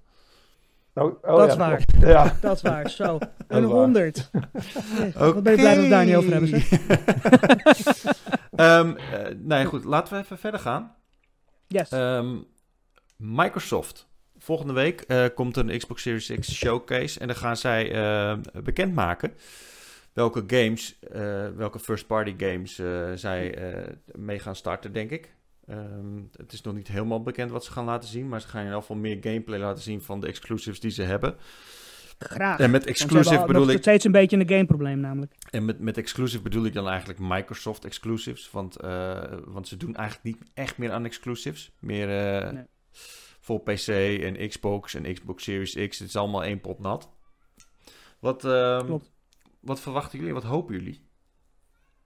Nou ja, het ding is natuurlijk dat Microsoft enorm veel van die kleine studio's heeft opgekocht. Wat in feite de meeste ervan waren een soort van indie studio's en maximaal dubbel A, die maximaal dubbel A titels maakten. Ehm, ik ben heel erg benieuwd wat ze allemaal met die studio's gaan uitvreten. Of ze allemaal los van elkaar games gaan maken. Of dat ze een soort van gezamenlijke projecten hebben. Of het allemaal triple-A games zijn geworden. Of dat het Hm. ehm, eigenlijk ook een beetje de indie kant op gaat. Ehm, het enige wat we nu nog weten is dat wat, wat first parties betreft is, eh, nou ja, niet het enige, maar een van de belangrijkste is Halo Infinite natuurlijk. Natuurlijk. Ja, daar heb ik nog steeds mijn twijfels over, omdat het van 343 is en de laatste paar Halo's die zij gemaakt hebben, was ik een stuk minder van onder de indruk dan eh, de originele serie van Bungie. Ehm, dus ehm, ja, ik ben best wel knijter benieuwd. En ik was die eerste ehm, of die, die, die persconferentie van ze in mei, vond ik veel te duister en saai en, en nietszeggend. En daar had ik heel weinig mee. Was super zwaar, zwaar van niet onder de indruk, zeg maar. Ik vond het ook een beetje gek dat ze die gedaan hadden. Want ik snap niet helemaal waarom ze eerst ons willen underwhelmen en dan vervolgens zeggen: Nou, Maar later gaan we overwhelmen, want dan komen de first party games. Ja, eens. Dat is een Uh, beetje raar. het was een beetje een gekke presentatie, dus ze moeten wel met, met, eh, met iets indrukwekkends komen nu. Ehm, maar ja, Nou, we wat, zijn we, er wat we kunnen verwachten is Forza Horizon weer of een andere Forza. eh, ja, dit is, wat je zegt, dat doet me, eh, een van de grappigste memes die ik de afgelopen tijd gezien heb, was dat er een Smash Brothers game zou komen voor de nieuwe Xbox. En eh, dus zag je een heel roster en dat hele roster was leeg en er stond alleen Master Chief, eh, Marcus Phoenix en Forza Car. Dat waren de drie selecteerbare personages voor Smash Brothers voor de Xbox. Eh, maar jij zegt het nu weer, van ja, eh, de nieuwe Forza natuurlijk. Wat ik heel graag zou willen zien, is een soort van nieuwe franchise die echt een, een grote hit kan worden voor Microsoft met een eigen smoel. hm, Dat Microsoft meer, of, of dat Xbox als platform. Hey, hey, wat meer, misschien even eventueel identiteit geen geeft. third of first person shooter, even niet. Zo. Even geen shooter en ook geen race game. Gewoon, gewoon, Nee. een, een, gewoon ni- ni- niet iets wat, wat, wat gericht is op testosteron, maar. ehm eh, eh, zeg, Viva zeg maar, Pinata, man! Viva Pinata! ik, ik wilde net zeggen, maar geen Viva Pinata, maar wel wat een soortgelijk bijna Ja, pro- eh, experiment is, maar dan voor de, voor, voor de nieuwe Xbox. zeg maar. dat was een van de beste de, de Xbox eh, 360 exclusives die er bestond. Eh 1 en 2. Ik heb hem laatst ook in, Ja. een, in een column voor Gamer.nl heb ik hem, eh heb ik hem gementiond. ik kan het liedje nog dat- steeds ja. dromen. Ja toch? Maar dat was Viva super leuk. Pinata, feel the fun, feel the fun. Wauw, ik ben onder de indruk. Het is super high energy, kleurrijk, positief. Het gaat Ja. over creëren, weet je. Nou ja, ook over vernietigen, want het zijn piñatas en die moet je kapot slaan. Maar dat element Ja. daarvan was niet heel erg belangrijk. Ehm, en, en, en zoiets, weet je, dat, dat zou ik best wel... Dat zou ze wel sieren. En dat had, was ook helemaal niet in hun laatste presentatie Klopt. te zien, iets in die, in die geest. Het was Helemaal allemaal niks, duister, niks van die geest inderdaad. horror, gieten. Ja. en, en ze kunnen wel, ze kunnen wat dat betreft. Ik, ik kan me voorstellen dat Viva Pinata niet hun best scorende franchise was. Maar ik kan me ook niet voorstellen dat het slecht heeft gedaan. Want er is een Viva Pinata 1 en 2. Er was En een- vergeet een- niet dat mensen echt zin hebben in dat soort games. Ik bedoel, Animal Crossing is nu gigantisch geworden. Ja, dus Precies. Ik denk best dat, dat het de Animal Crossing van de Xbox zou kunnen zijn als ze, als ze daar nu hard op inspelen. Ja.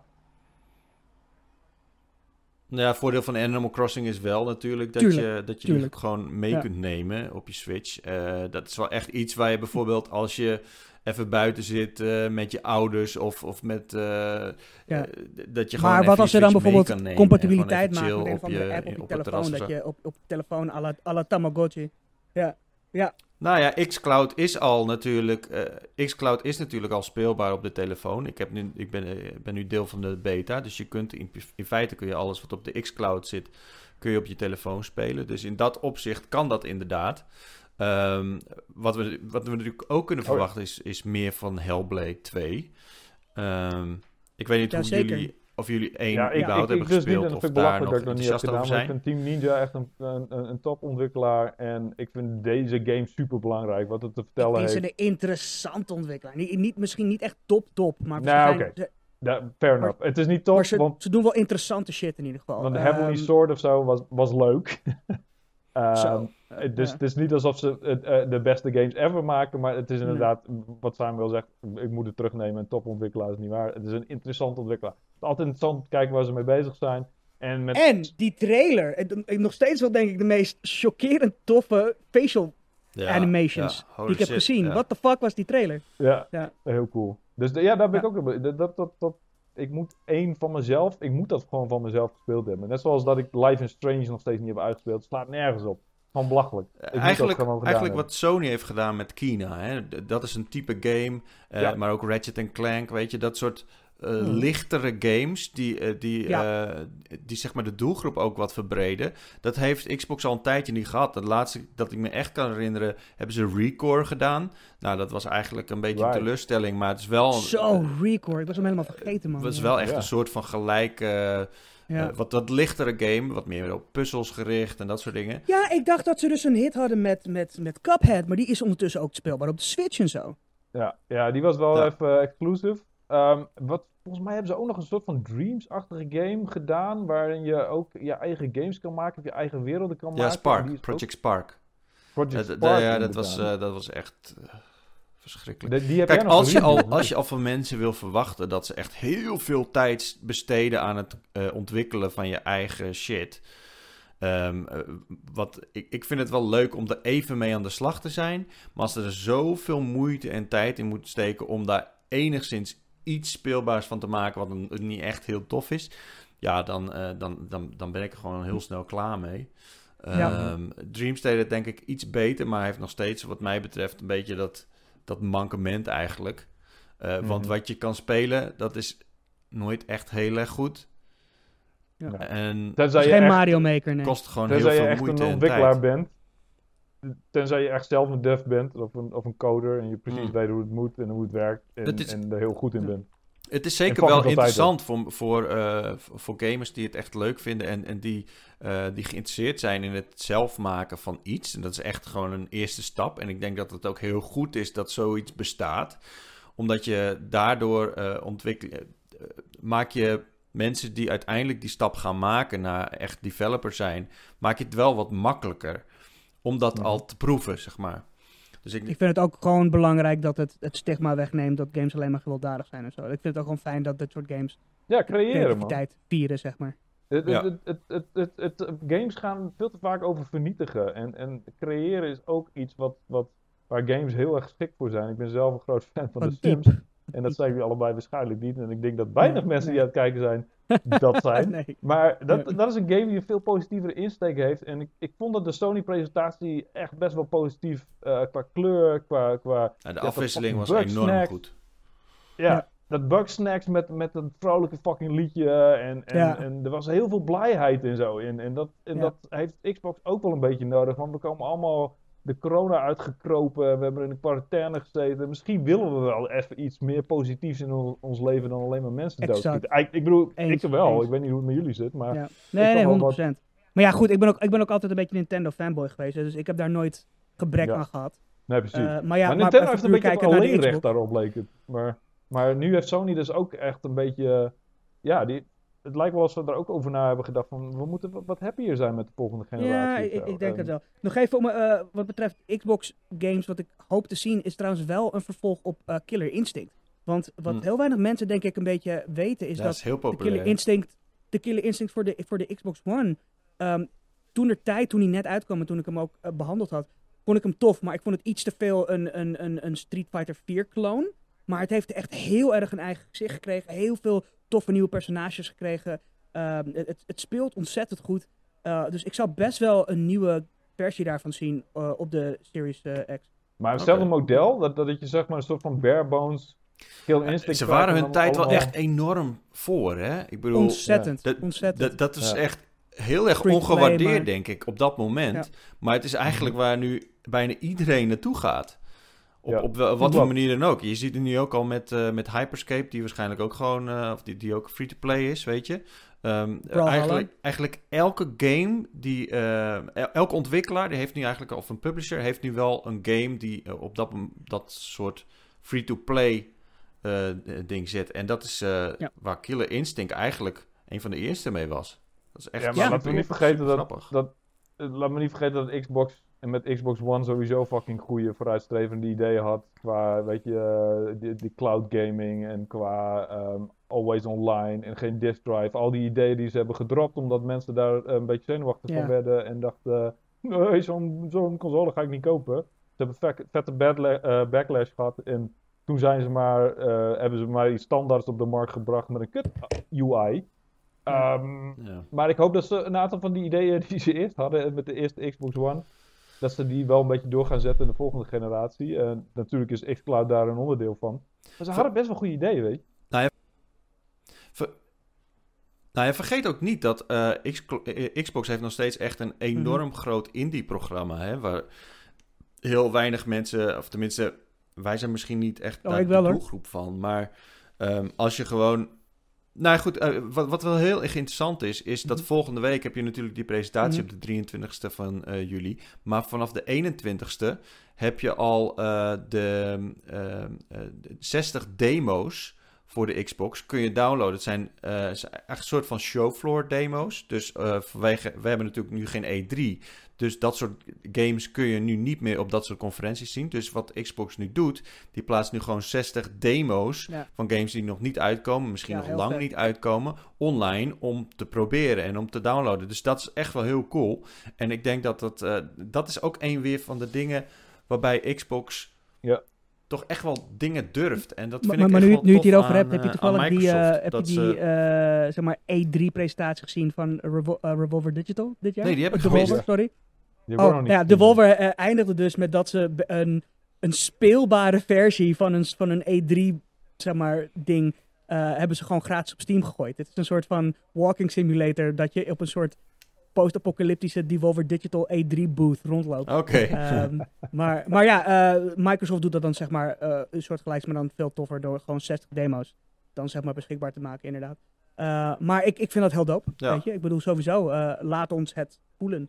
Eh, het, het- een van de grootste problemen natuurlijk van E3 is altijd geweest dat, eh, voornamelijk als het gaat om AAA-games, dat we, eh, die bedrijven willen ons wowen met gigantische trailers waar dan nul gameplay in zit, wat alleen maar CGI rotzooi is natuurlijk. Eh, dus het feit dat we dingen kunnen spelen is alleen maar goed. Ja, nee, dat lijkt me ook zeker, zeker belangrijk. Laten we het even over de doosjes hebben. Die heb ik nog niet Do- gezien. Ik heb alleen die van de PlayStation 5 gezien. Oh, wa- wait. Heb je die niet gezien? Oh, Ik heb ook nog niet de Ik heb doos het niet gezien. Oh, ik heb het gemist. Ik, ik geef je even een linkje. Want ik wil wel je eerste, ik wil je eerste reactie wel eens even, even zien. Even kijken hoor. Oké. Doe maar even naar mijn dus Twitter, weird. want ik, ik kan niet op de scherm klikken. Oh, wat tof. Dat, dat, dat we, we ze allebei nog niet gezien hebben ook. Oh, heb jij het ook Ah, nog niet gezien? Nee, ik heb het ook nog niet gezien. Ik, ik, ik dacht dat je het over doosjes van de PS4 had. Maar, eh Nee. 5, sorry.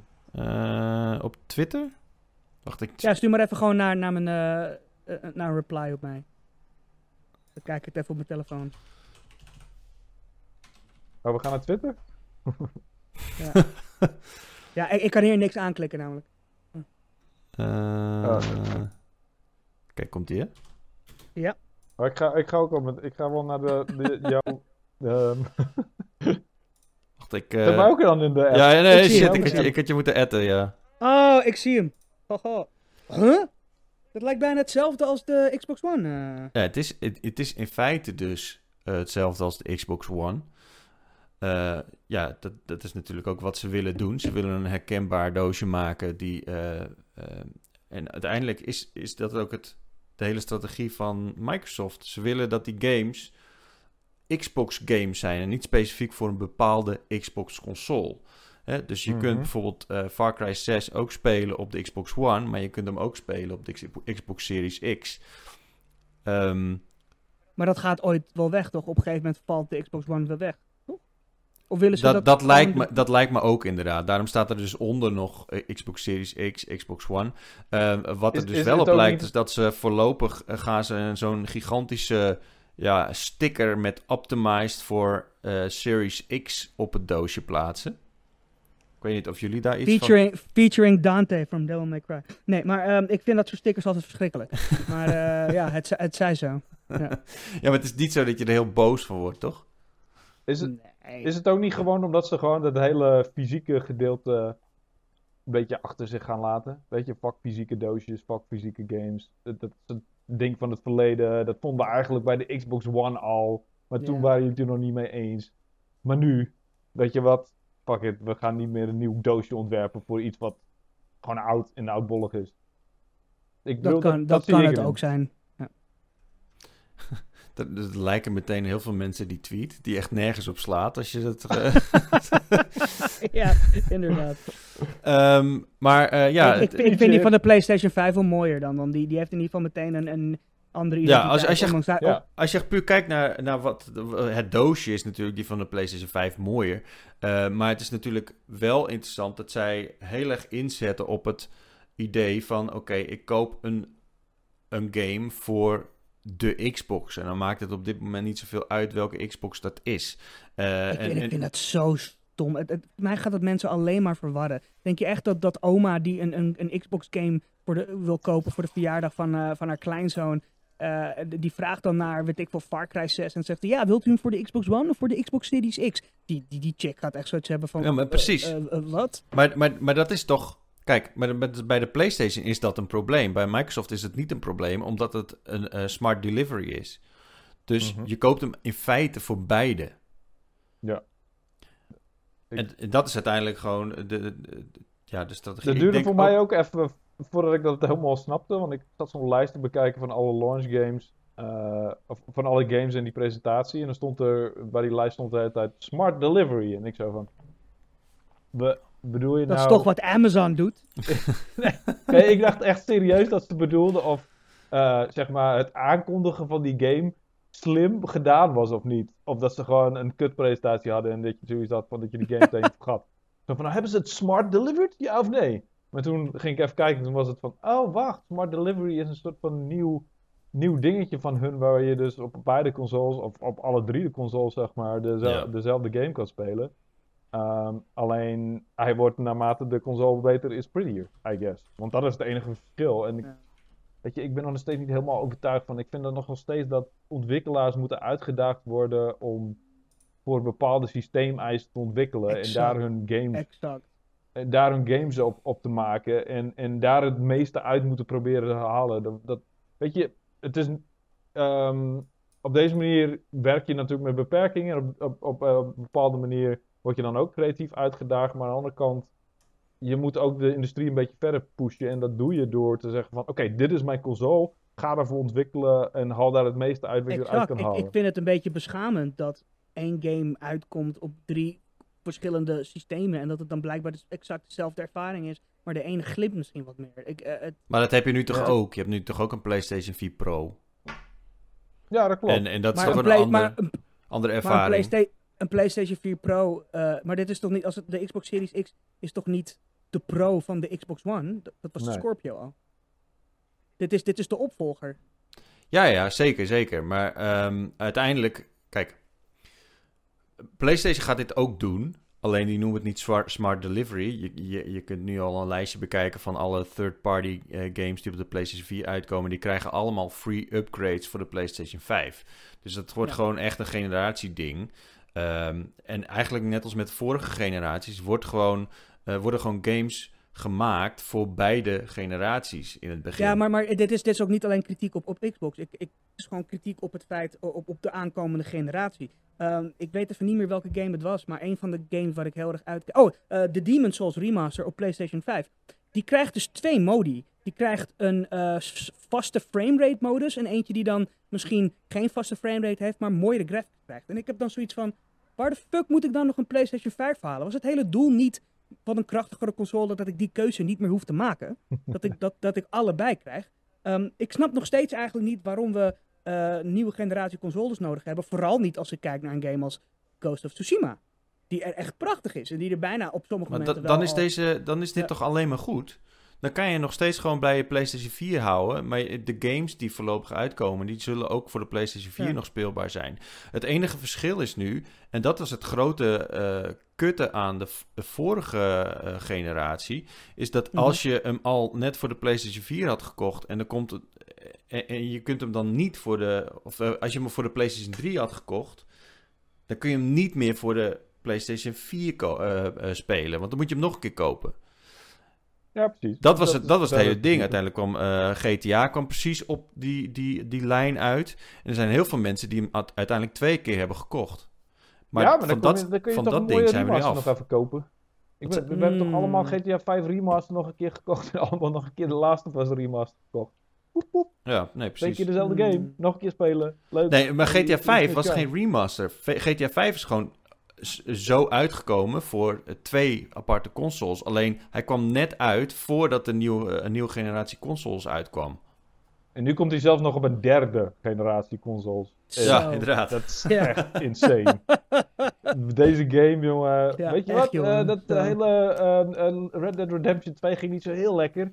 Laten we nog een keer GTA Ja. 5 uitbrengen. Dan kunnen we alsnog... Ja, ik mag daar niks over zeggen, want ik heb volgens mij Resident Evil 4 voor letterlijk zeven verschillende systemen gekocht. dus eh, ja. Eh, Ja, maar ja, ja. ja. Zou Skyrim die- die- ook nog uitkomen voor de PlayStation? Zo! ja, ik zat te denken van welke game is vaker geport dan fucking Resident Evil 4, maar volgens mij is dat Ja, inderdaad Skyrim. Ja. Skyrim, Ja. inderdaad, ja. Maar ja, Resident Evil 4 hebben ze niet aan het begin van een, van een Nee, PS5 nee, dat- dat is waar, persconferentie dat is waar, gezet, ja. weet je. Dat was Ja. echt wel even een downer van het begin. Van, hé, ik was ook helemaal in de war. Wat, wat, wat? GTA 5? eh, eh, eh, story DLC? Ja, baby. Maar nee, dat was het. Ja. Jongens, ehm, ja, eigenlijk eh, zitten we al echt eh, ruim over de tijd. We we willen het nog heel kort even hebben over de Ubisoft-presentatie. Hebben jullie meegekregen? Eh, jazeker. Eh, ik vond het voornamelijk jammer dat er bij de presentatie nauwelijks eh, niet echt gerept werd over wat er intern bij Ubisoft aan de hand is geweest de afgelopen tijd. Eh, Nou ja, dat komt natuurlijk omdat die presentatie is allemaal ver van tevoren geschreven. En, eh, Natuurlijk. Ik snap het natuurlijk, Ja, het is toch een ik marketing bedoel- tool? Je gaat toch niet eh, Ja. dan nog eens een keer daarop terugkomen? nee. Ja, ik bedoel, je- ja. Dat, Ja. het moet een goed nieuwsshow zijn. het- Dan ga je niet, eh, dan ga je niet in één keer al de vuile was buiten hangen, toch? Nou, Ja, was Far Cry maar- 6. je- En over Far Cry 6 gesproken, hier is de gast die iemand eh, eh, seksueel geïntimideerd heeft. Wat heb jij te zeggen? Nou, maar je, je, je zou het kunnen pakken om, eh, om ze maar ook aan te kaarten dat ze beter willen zijn. En weet je, dan zou je op die manier ook wat punten kunnen verdienen bij mensen die geïnvesteerd zijn in het bedrijf zelf. Maar in principe, jullie hebben natuurlijk wel gelijk. Maar het was gewoon, het, het was gewoon, het, kwam gewoon exact in, in die 48 uur dat heel erg naar buiten kwam allemaal. Omdat er meteen koppen rolden binnen het bedrijf.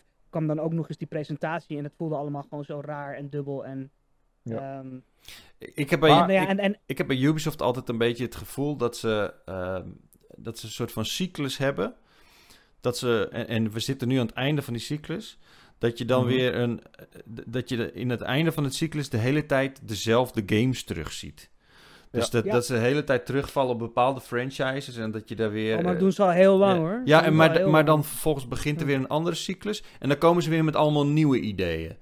Ja. Ehm, eh, en ik denk dat we nu een beetje aan het einde van de cyclus zitten. Want Far Cry 6, eh, nog een Assassin's, Assassin's Creed, nog een Watch Dogs. Nou, er komt nu Hyperscape, is wel een ding. Ja. Maar voor de rest zien we eigenlijk weinig eh vernieuwends, weinig interessant. Ja, echt helemaal niks. Ja, En- die nieuwe cyclus, daar verheug ik me ook weer op. Want ik weet nog dat wij best wel overrompeld waren door de eerste keer dat Watch Dogs werd geïntroduceerd. Toen hadden we echt zoiets wow, what the fuck is dit? En ik hou ook van persconferenties waar allemaal di- nieuwe dingen worden laten zien. En het liefst nieuwe franchises. En dat past in dit geval dus totaal niet. Het was Nope. tof om eh, Gustavo Fring te zien in Far Cry 6 trailer. En dit Nou, ik heb me vet- ontzettend gestoord aan zijn, eh, zijn niet-accent. Of zijn verkeerde accent, eigenlijk. Oh, is dat zo? Heeft hij een, eh, oh, dat weet jij natuurlijk. Hij heeft niet Ja. een, een goed, een lekker Hij, accent. hij noemt zichzelf El Presidente. Zoiets. Het is een soort van heel weird. Dan denk ik van, gast, je moet En dat toch... is, wel, hij is raar, want hij komt volgens mij uit de Dominicaanse Republiek ook. Ja, nog, hij is dus toch zou een beetje, moeten weten. Nou, volgens mij Ah, is het een Ja, soort ja. van... eh, is, is hij half Deens ook en zo? Het is, het is eigenlijk... Hij moet een soort van eh, eh, Latijns... eh, Amerikaans personage zijn, maar dat, Ja, dat is hij klopt. natuurlijk niet. En dat was in Breaking Bad eigenlijk ook al wel een beetje een ding. Ja. Mhm. Ehm, Maar ja, ik, ik bedoel, en, en ik vind wel dat Assassin's Creed Valhalla er echt best wel... Ik ben weer aan boord met Assassin's Creed sinds eh, Odyssey. Odyssey vind ik echt gek. Eh, die game is veel te fucking groot en dat is het grootste probleem. Ma- mag ik wel even tussendoor zeggen dat eh, Assassin's Creed was die serie dat toen ze Assassin's Creed 2 gingen maken, hebben ze de, de, de kruisboog eruit gehaald, maar het was niet historically accurate. En ondertussen zijn we op het punt beland dat je letterlijk te- tegen Medusa aan het vechten bent en shit. Ja, maar Dus dat, ik- dat vind ik juist vet eraan. Ik vind...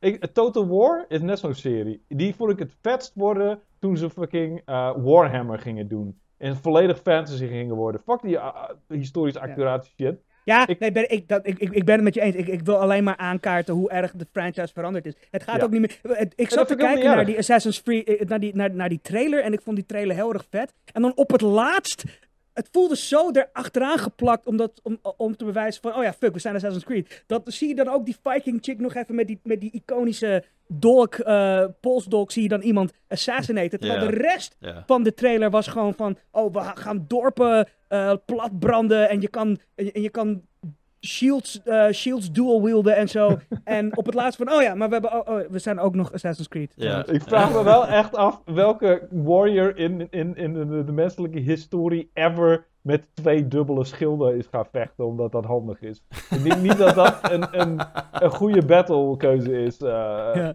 en Ik vond het wel vet dat er dus een move in zit dat je die twee schilden bij elkaar doet en dan als een soort stormram tegen mensen inbeukt of zo. Dat, dat, dat, dat vond ik Maar nog ik vind, ik vind eh, Odyssey vind ik echt, ook omdat de combat daarin uitdagender is, en omdat ze al die mythische elementen hebben genomen en dat in die game hebben gestopt. Je gaat gewoon naar fucking Atlantis, je vecht gewoon tegen eh, de Minotaurus. En Ja. daardoor vind ik die eh, eh, franchise interessanter geworden. En ik hoop dat ze qua size een beetje gaan inkrimpen, want het was echt idioot in Odyssey. Die game heb ik nog steeds niet Ja, uitgespeeld ik heb hem al, al lang gereviewd. Ehm, maar het- weet je, ik vind die combat een stuk interessanter en ik denk dat die nu ook een stuk boeiender gaat worden in dit deel. Het, het, ja, ik, ik ben daar wel voor aan boord. En Far Cry is, is sowieso mijn favoriete Ubisoft franchise. Die eh, eh, vind ik sinds deel 2 al heel erg goed. En ik heb een Hmm. paar overgeslagen, want die tussendeeltjes, die tussen, die, weet je, die eh, Ja. New Dawn, dat heb ik even niet gedaan. Want ik wist dat het een Primal was. En Primal was oké, maar je hoeft er ook weer niet je tijd aan te verspillen. En dit is weer er een volwaardig deel. En daar gaan ze weer echt iets nieuws aan uit, uitproberen. En daar heb ik ook wel weer zin in. Maar we hebben er helaas weinig van gezien. Alleen ja, het waren allemaal vervolgen inderdaad. Het was allemaal niets, niets schokkends, niks, niks verrassends. Ik mis die Ubisoft eh, van twee generaties geleden, die nog bizarre experimentele AAA-games durfde te maken, zoals Red Steel en zo. Ja. Die Ubisoft mis ik. Ja, maar er komt ook nog een eh, Beyond Good and Evil 2 aan. En daar hebben we ook niks van gezien. Vind ik ook wel Dat jammer. waar. Maar die, die, zijn ook nog... Maar jij wil die dus meer Tom. Clancy zien, eh, Samuel. Er is bijvoorbeeld nog Elite Squad op de mobiel. Misschien vind je dat wel leuk. Nee, nee, het is gewoon. Ik weet niet. eh, Ubisoft had gewoon altijd. Ubisoft had zijn veilige shit en het had zijn quirky shit. Ja. En het Ja. heeft al bijna anderhalve generatie geen quirky shit meer. Los van misschien heel af en toe een, een, een, een Rabbids Kingdom Battle of zo, weet je? Ja, maar Eh, zelfs... dat- maar, maar die is dan, maar die is dan weer gemaakt bij de, met de gratie van Nintendo. Maar. Maar zelfs EA heeft zijn quirky periodes gehad, weet je. Zelfs EA heeft zo'n rare dingen gedaan met Dante's Inferno en, en allemaal Klopt. rare zijsprongen. En dat was ook inderdaad het, om bijna twee generaties geleden. Het was inderdaad. Voor, voor, qua creativiteit was het een van de beste tijden voor games, denk ik nog steeds. Maar ja, goed, dat is. Ah, maar het is niet zo dat Ubisoft geen, geen, geen dingen doet waarbij ze even een... eh, ja, gewoon even buiten de gebaande paden treden. Hè. Ze hebben zo'n VR-game uitgebracht eh, waarbij je een vogel bent of zo. Eh, ze hebben natuurlijk Ja, eh, nog die- For die- Honor die- onlangs nog aan, Ja. gedaan, weet je. Wat Klopt. echt heel Ja, erg brak ja. met de andere dingen Ja. die ze deden. ja. For Honor vond ik wel tof van ze inderdaad. Ja. Maar dat was volgens mij niet een heel erg geslaagd project of zo. Of tenminste, ik denk dat hij het in China goed heeft gedaan of zo. En voor de rest van de wereld Ja, niet. ik, ik vond hem uiteindelijk ook niet zo geslaagd, maar het valt me nog wel op dat die game nog wel gespeeld wordt. Ik zie nog steeds heel veel highlight reels voorbij komen waar die game in gefeatured wordt en zo. Ja, en la- het laatst leeft een, nog wel. een paar maanden geleden hadden ze weer een nieuwe eh, soort ridder of zo hadden ze erin gepompt. Of Ja. weet ik veel. Een franchise hadden ze. Trouwens, dit zou jullie niet boeien, maar eh, een van die... eh, Maar een, toch For het vertellen Honor- Een. For Honor personage is toegevoegd als DLC-personage voor Samurai Showdown. Hebben jullie Oh, dat dat was het, ja. Dat was het. What dat the fuck? gezien. Ik vond het vet, maar ook raar. Like, Ja, in Samurai Showdown? ja maar die zag er ook, die, qua moves en zo zag je er ook vet boring uit. Of, of lag dat aan mij? Echt een, een soort Voor super... een Samurai Showdown game zag het een beetje boring uit. Maar ik vond het wel tof dat die crossover... Een crossover tussen SNK en Ubisoft. What the fuck? Ja. Ja, maar hey, een crossover tussen Nintendo en Ubisoft was ook al weird. Dus dat- wat dat betreft... eh, Dat is waar. dat Maar, is maar waar. laten we wel eerlijk zijn, wat Ubisoft wel heel goed doet, is eh, eh, Rainbow Six eh, eigenlijk, ge- eh, ja, ge- eigenlijk een rebrand eigenlijk. Ja. En dat hebben ze een hele succesvolle manier gedaan, waardoor het nu echt Mhm. een, eh, een enorm populaire competitieve game is. Ehm, Mhm. en, en dat is, eh, dat is wat dat betreft wel echt een succesverhaal. Maar als je kijkt naar Far Cry, Assassin's Creed en Watch Dogs op een rijtje... en dan heb je daar ook nog Ghost Recon Breakpoint bij... en het zijn allemaal eh, open wereld games die, die ja, eigenlijk een soort van dezelfde basis hebben. Ik snap ook niet dat ze dat dus allemaal uitbrengen. Want dat, dat is toch ook een beetje zelfcannibalisatie van je markt. The Crew iedereen 2 kan al- is ook een Ja. open wereld, maar dan met auto's, weet je. Want niet, ied- niet, niet iedereen kan al die open wereld games gaan spelen, toch? En dat is wel, dat is wel gek genoeg. De, de, de uitgever die heeft besloten dat Prince of Persia te veel op Assassin's Creed leek. Dus de, weet je, of, en niet die twee verschillende franchises, of die twee Exact. franchises samen wilde uitbrengen. En dus Ja. besloten om Prince of Persia maar te droppen. Maar volgens mij, dat was op mij een stom excuus. Want Assassin's Creed was begonnen als vervolg op Princess Persia. Eh, ja, eh, precies. ja. oorspronkelijk. Dus, Ja. maar ja, het is, ja, anyways. Ehm, maar ja, het is gewoon, ik, ik, ik snap niet helemaal wat ze, wel, wat ze willen voor de, voor de toekomst. Ik weet niet waar Ubisoft heen wil, in ieder geval Ja. nog. Ehm, Nou ja, ze gaan in ieder geval naar Beyond Good and Evil 2. En daar heb ik nog steeds een soort Ja. van... Mijn enthousiasme Zeker. van Lucas heeft me een beetje aangestoken. Het, het is een soort van eh, No Man's Sky, een soort van eh Outer Wilds En die, die, dan- die nieuwe game van Michel Ancel, die, eh, die soort van Oh ja. Wild of zo, dat is ook Ja. nog een ding. Alleen daar horen we al jaren niks meer van. Ja. Nee, maar Ja. is dat überhaupt wel een... En je hebt natuurlijk God and Monsters, Gods and Monsters. Ja. Hebben we ook nog niks er meer over gezien. Maar, maar zijn dat U- ook alweer? Ubisoft games? Zijn die volledig Ubisoft? Is het een soort van... Ja, dat is ook een Ubisoft game. Ja, goed. Oh. Ik bedoel, eh hè, Far Cry 6. Assassin's Creed Valhalla. Toch leuk. Het zei dat lekker plat. Ja, Assassin's Creed 6, Valhalla. Oké. Hey, ehm, ik denk wel dat we er een beetje doorheen zijn. Hartstikke bedankt jongens voor het eh, meepraten over, eh, over met name Ghost of Tsushima. Ja, geen leuk dat weer mocht meedoen. En mooi dat jullie het erover eens waren. Ik was echt van tevoren, dacht ik, nou, hier komen we nooit uit. Hier komen Nee, we dat nooit is uit. echt eh, een unicum. Dat je erbij mag zijn is wel, eh, wel het, het lijkt mij een, een, een eer voor je. Ja. Ik ben net zo verbaasd als jullie. Ja. En eh, voor jullie mensen die hebben gekeken, hebben geluisterd, hartstikke bedankt voor het volhouden van deze nou, bijna een uur en twintig minuten aan gelul. Eh, shit. ja, Zo, Ik hoop dat je die tijd had en waarschijnlijk heb je hem op anderhalve eh, snelheid. Anderhalf keer snelheid. Zo doe ik het altijd wel met podcasts. ik doe een uur en Ehm, even afge- één- één- afgespeeld. 1.25 Goeie tip keer. 1.25. Ik doe het altijd anderhalf. Bij, bij sommige dan- podcasts is het net iets te snel. Maar dan Ja. klikken wij dan niet als een soort van helium, heliumachtige dude. Nee, maar dan, ga je, dan is het gewoon wat, dan gaat het wat sneller en dan voelt het wat minder als eh, tijdverspilling of zo. Exact. Dan kan je meer, dan prop je meer in een dag. Ja. Ja. Mocht je dat nog niet gedaan hebben, volg ons dan even eh, op ons eh, podcastkanalen of op ons YouTube kanaal. En voor nu, tot de volgende keer. Word abonnee van het, van het blad. Wat? Wat zei je? Word Wat? abonnee van het blad. Het blad? Dat moet je doen. Ja. Abonnee worden van Power Limited Magazine. Dat is En je moet abonnee worden van Power Limited Magazine. Dat zeg Ja, je want, niet heel eh, erg. Dat is nog tussendoor. Mensen vragen heel vaak aan mij, Sam, werk je bij over Power Limited? Want ik zie nooit iets van jou op de site. En dan zeg ik altijd van, dat klopt. Want bijna alles wat ik doe is voor het blad. Want Ja. dat blad is er nog. En dat blad is nog steeds fucking awesome. Dus ik ben het met Wouter eens. Haal het blad. Zeker. Daar kan ik me niet anders dan bij aansluiten. Ja. Bedankt voor het kijken en voor het luisteren en tot de volgende keer.